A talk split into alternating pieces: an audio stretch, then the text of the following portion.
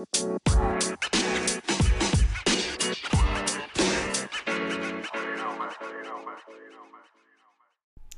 harte welkom bij een nieuwe aflevering van de Herstellen van Burnout podcast. Vandaag wil ik het met je gaan hebben over de kerstdagen. Uh, het zit er natuurlijk al aan te komen volgende week. Zondag is het zover. Uh, is het eerste kerstdag.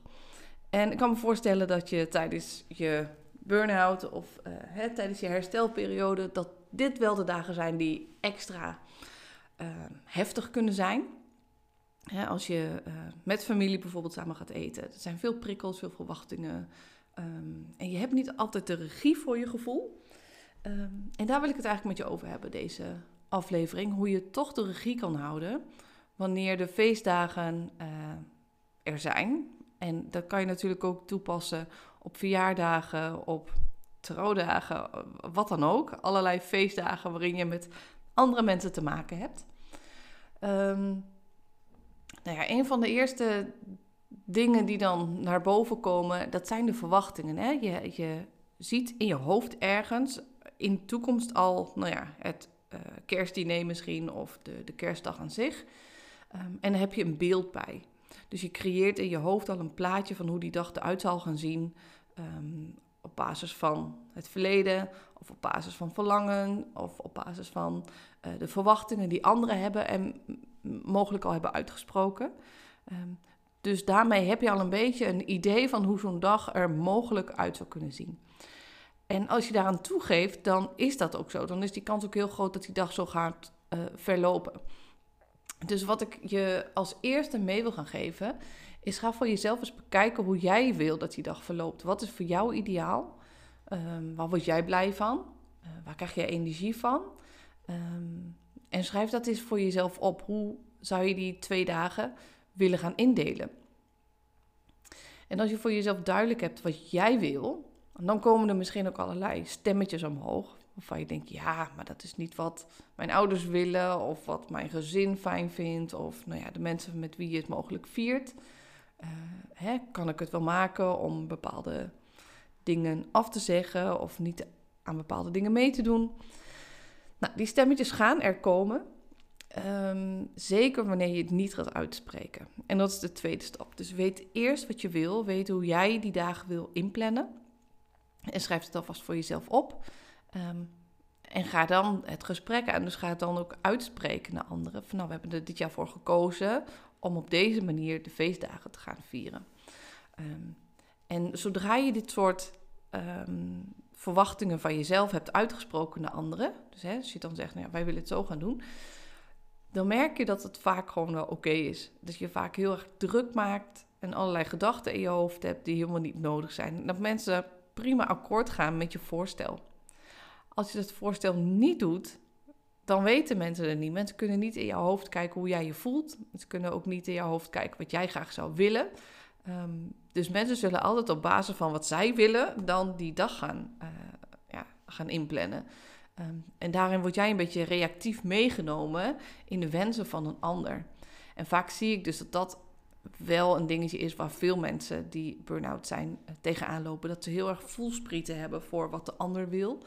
Um, dat ze aanvoelen wat de ander belangrijk vindt. Of dat je heel goed onthoudt waar iemand ooit blij van is geworden. Uh, en dat je daar heel graag jezelf naar wil nou gedragen. Hè? Je vindt het fijn om de ander blij te kunnen maken. En het kan soms echt een uitdaging zijn om eens na te gaan wat jij wil en dat te gaan zeggen. Omdat er soms ook een angst onder kan zitten van ja, maar straks wordt iemand boos of soms misschien kwets ik iemand. Dus die um, angst of dat gevoel van ongemak, wat het bij je oproept om, die, nou ja, om je wensen uit te spreken, dat kan al genoeg reden zijn voor jezelf om toch maar te gaan doen wat jij denkt dat de ander zou willen. Um, dus jouw uitdaging is dus niet alleen om het op te schrijven en uit te spreken, maar zeker dus om tijdens het uitspreken um, bereid te zijn om je ongemakkelijk te voelen. Bereid te zijn om nou ja, de ander zich dan maar gekwetst te laten voelen als het hun misschien kwetst. Um, en daarmee voor jezelf te zorgen.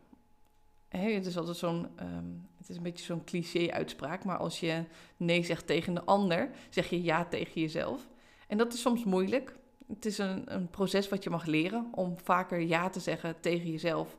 Ehm, en daarvoor moet je dus nee zeggen tegen een ander. Vaar, heel veel dingen kunnen en-en zijn. Ehm, maar je tijd kan je maar op één manier indelen. Um, en ik denk dat het voor jou belangrijk is om eens te gaan kijken wat jij wil deze feestdagen. Wat jij gelukkig van wordt. en dat uit te spreken. En begin daar dus op tijd mee. Hè? Zeg dat dan niet op de, de dag van tevoren. Maar zoals nu, een week van tevoren. Ga eens kijken wat je wil. Waar jij, uh, nou ja, gelukkig van wordt. En je kan dus ook zeggen, weet je, ik spreek wel af met familie, ehm, maar wij komen van die tijd tot die tijd. En we gaan tussendoor even een stukje wandelen, zodat je die dag, nou ja, zo prikkelvrij mogelijk door kan komen, maar dat je ook wel de verbinding hebt, dat je wel het plezier hebt met anderen.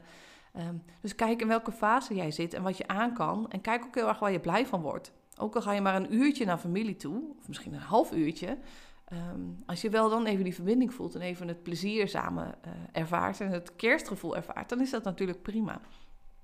En daarbij kan je, als je het op tijd regelt, van tevoren dus ook rekening houden dat je misschien die dag daarvoor even helemaal niks doet.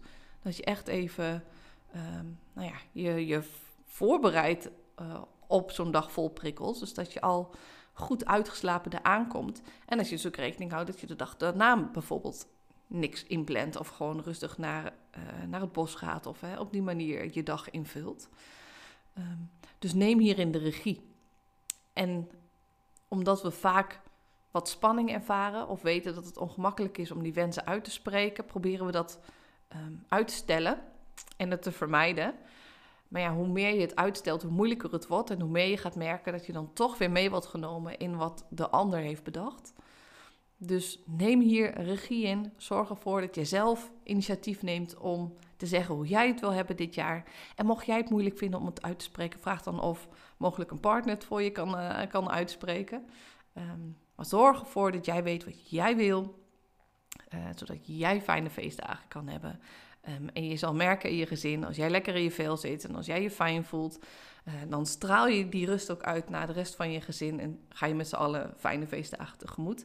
En als jij je helemaal zit op te, als je helemaal zenuwachtig wordt, laat ik het zo zeggen, dan ja, merk je dat dat ook invloed heeft op de rest van jouw gezin. Dus kijk wat goed is voor jou. Uh, dat is niet egoïstisch, maar dat is zelfliefde. Dus kijk wat jij nodig hebt en hoe je daarna kan luisteren. Spreek het uit en dan, uh, dan kan het niet anders dan dat je hele fijne feestdagen gaat hebben. Nou, dit was hem voor vandaag. Ik ben heel erg benieuwd hoe jij je feestdagen gaat invullen. Um, en je me morgen weer met een nieuwe podcast. Tot dan!